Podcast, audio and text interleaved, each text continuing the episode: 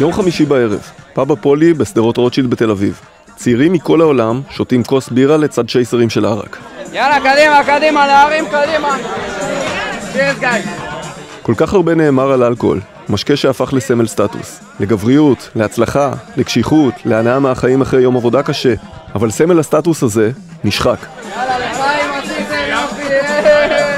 שלום, אני שחר סמוכה, כתב מגזין G של גלובס, ואתם מאזינים לעוד פרק של הפודקאסט שלנו, הצוללת, שצולל לעומקם של סיפורים כלכליים חברתיים.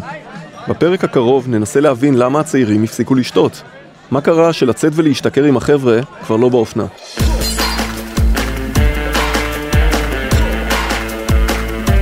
בעידן שבו לא חריג לגור בבית ההורים עד גיל 30, שכל ערב מביך עשוי להיות מתועד לסטורי באינסטגרם, ושהגראס זמין בו מתמיד, אולי לא מפתיע שברחבי העולם מתחילה מגמה מפתיעה. פחות ופחות צעירים ממלאים את הברים, והם שותים הרבה פחות אלכוהול מששתו בני הדורות הקודמים. משתכרים הרבה פחות.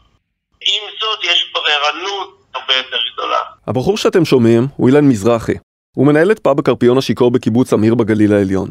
אילן משוכנע שצעירים בני 20 עד 35 כיום שותים הרבה פחות מבני גילם בעבר. צריך כל הזמן, צריך לגוון לו כל הזמן לקהל החדש. זאת אומרת, גיוון הרבה יותר גדול, דרישה לכל מיני דברים הרבה יותר אה, ספציפיים ומסוימים, או לנסות דברים חדשים, או דברים כאלו. הוא פחות נדבק או נצמד למותגים לאורך זמן. מזרחי היה חלק מהצוות שהקים את הפאב עוד בשנות ה-90, והשנים הארוכות שבהן הוא משקיע אנשים מאפשרות לו להשקיף על המצב בפרספקטיבה שהיא אמנם לא מדעית, אבל היא בהחלט רחבה. הצעירים בפאב של אילן לא שונים משאר בני הדור שלהם. נתונים שנאספים בשני העשורים האחרונים מראים שבני נוער ומבוגרים צעירים, בני דור ה-Y וה-Z, שותים כיום פחות מבני הדורות הקודמים. רוצים לשמוע קצת נתונים?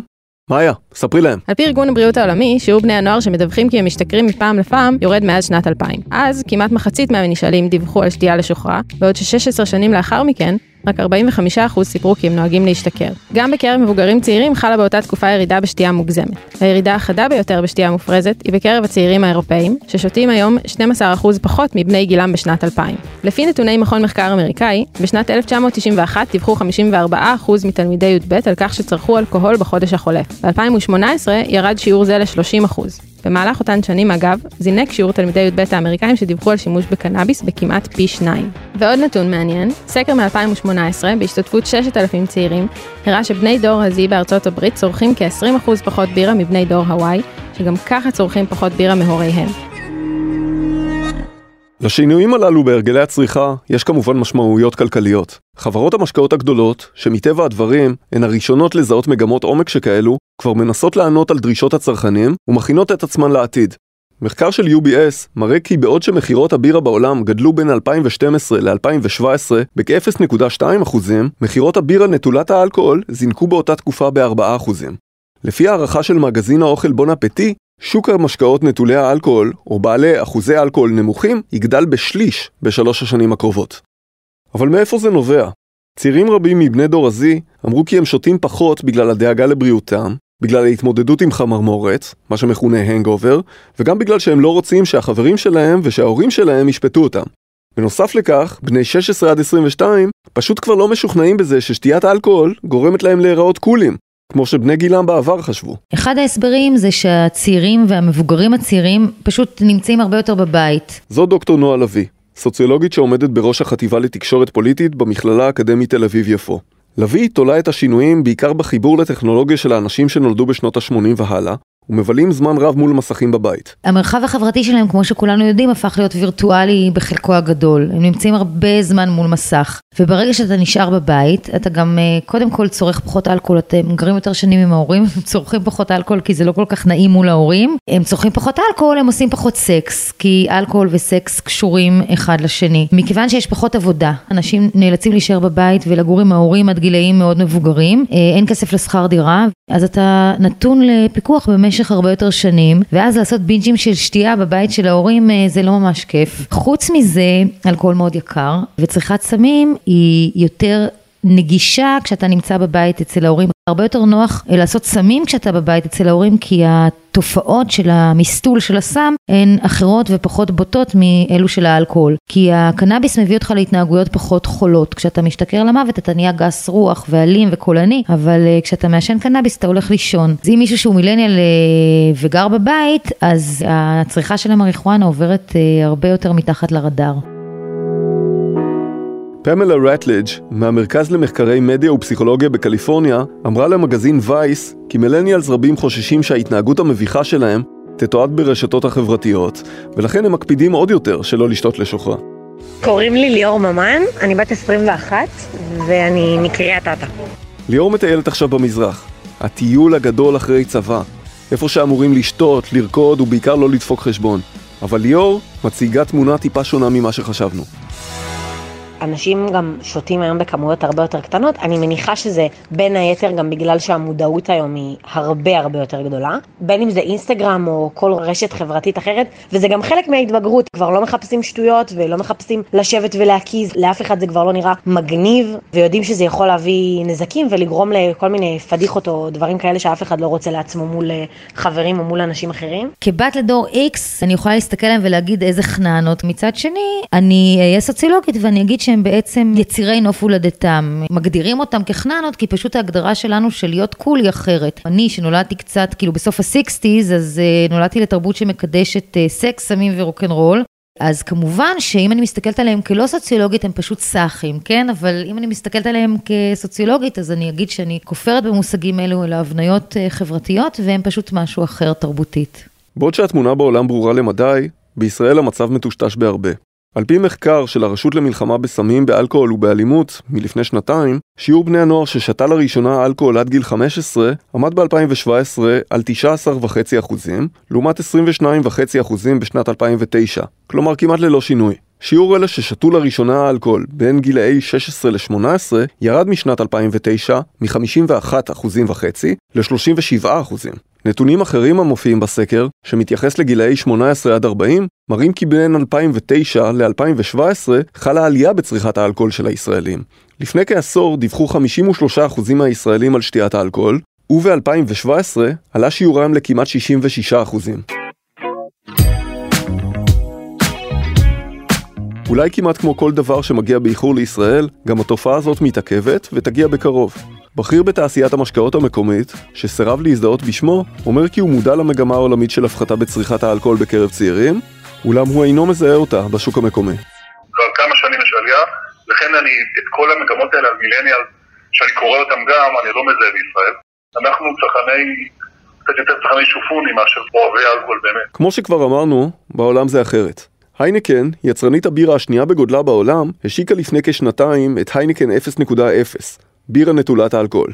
הדוח השנתי של החברה לסיכום 2018 מראה שהיא סיימה את השנה עם צמיחה מרשימה של 7.7% במכירות, ולא בגלל מכירה של בירה רגילה. משום כך, לא מפתיע שגם יצרנית הבירה הגדולה בעולם, ובעלת המותג בדווייזר, AB InBev, הצהירה לאחרונה כי עד 2025 היא מקווה שעד חמישית מכמות הבירה שהיא מוכרת תהיה נטולת האלכוהול או מופחתת האלכוהול. אבל נראה שאנחנו רק בהתחלה. כשאתה נגיד נמצא בבר, סיטואציה חברתית שהיא סיטואציה מאוד טבעית לבירה ואלכוהול, למשל נגיד אתה אומר אני בבר ואני הנהג תורן, כולם שותים ורק אני יושב שם עם כוס מים או בקבוק מים, אני מרגיש מחוץ לחברה. ואני יכול להרגיש חברתית חלק מהחברה בלי, למרות שאני לא מחצה אלכוהול. כלומר זה נותן לי פתרון אמוציונלי ופונקציונלי להרגיש חוויית האלכוהול בלי לאבד את השליטה. בעולם האירופאי, שהם גם צרכני אלכוהול הרבה יותר כבדים, הסם יש שם גם אה, שיקולים אולי קצת של רוצים להוריד האלכוהול. בשוק הישראלי הצריכה של אלכוהול היא מאוד מאוד נמוכה. אנשים הם צרכני בירה חברתיים בעיקר. למרות שבישראל אין נתונים שמראים שבני דור ה-Y ודור ה-Z המקומיים שותים פחות אלכוהול מכפי שצרכו בשעתו בני הדור שקדם להם, אילן מהקרפיון השיכור, ההוא ששמענו בתחילת הפרק, מביא הבחנה מעניינת ממרום שנותיו כמנהל פאב. פעם הייתה בירה אחת או שניים שאנשים היו שותים, וזה הספיק להם, זה מה שהם רצו וזה מה שהם צרכו, וצרכו אותה בכמויות מאוד גדולות. היום זה, זה יותר אה, השאלה מה יש לך מהחבית, מה המגוון שיש לך להציע. מתוך זה הם ייקחו את הכי מיוחדת שנשמעת להם, ישתו, ואז בבירה השנייה הם ישתו, אז זה כבר יהיה משהו אחר. לרוב לא יצמדו לאותו משקה כל הערב. בחברות המשקאות בהחלט מסכימים עם ההבחנה. אולי זו העובדה שבני הדור הזה גדלו לתוך חיים דיגיטליים, ושיש להם פחות סבלנות, ואולי זה משהו אחר בכלל, אבל מתברר שכמו שבני דור ה-Y נוטים להחליף מקומות עבודה בקצב תכוף מהוריהם, הם גם אינם שומרים על נאמנות למותגים, כפי שפעם היה מקובל. הם יכולים uh, להתחיל לצייר עם גולדסטאר, אחר כך לעבור לאיינקי, אחר כך לעבור לבירה מיוחדת, אחר כך לקחת לוויסקי. זה שוב הבכיר בתעשיית המשקאות. אתה רואה זה בכלל בעולם השיווק, אתה יודע, אתה מסתכל על כל המגמה של הפרסונליזציה, אם פעם שהיינו צעירים, המותג היה המלך, כאן היית הולך עם קבוצות אה, של מותגים בגלוי ובגאווה, היום בן אדם הולך עם אוגו על החולצה בגדול, הוא נתפס ארץ. הכוח עובר מהמותגים, הכוח עובר לצרכנים. והצרכן הוא המלך היום, והחברה, אה, הצרכן רוצה לשלוט בדיאלוג, הצרכן רוצה לדעת, להחליט מה הוא שותה. הוא לא מחפש את האסמכת המותגים שהוא כמו בעבר. הבחירה האינדיבידואלית שלו, שפה לו פה גולדפרד, פה בא לו ג'קסון, פה בא לו אייניקן, פה בא לו פאולנר, הוא משחק עם כולם. דור של היום, אה, הילדים בלאגניסטים נראה לי, לא?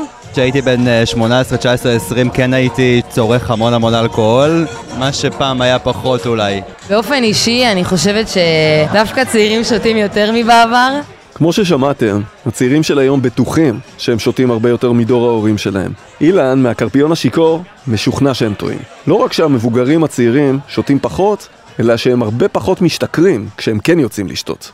תשמע, יש הרבה יותר גבולות, הרבה פחות איבוד שליטה, הרבה יותר מחשבה על מה אני אשתה וכמה אני אשתה. אנחנו לא שוכחים שהמחירים עלו גם כן משמעותית.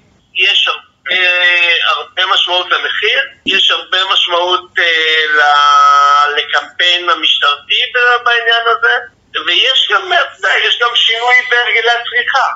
באמת, אתה יודע, ניסיון למצוא דרכים אחרות. אה, גם סמים, זה כל הזמן החיפוש והגיוון. השתייה היום היא לא למטרת השתכרות או אובדן שליטה. בעוד שבעבר זה היה יותר ממוקד לכיוון הזה. אלא שלא כולם מסכימים עם הטיעון הזה. ליאור ארגיל, שמפעיל זה 25 שנים את בר המנזר בתל אביב, אומר שהוא לא רואה שום עדות לכך שצעירים ישראלים שותים פחות מאשר בעבר. אין, אין לנו צריכת אלכוהול, בניגוד למה שכולם מאיימים. אבל אה, אל תשכח שבעולם עניין האלכוהול הוא, הוא תמיד היה הרבה יותר אישיו מישראל.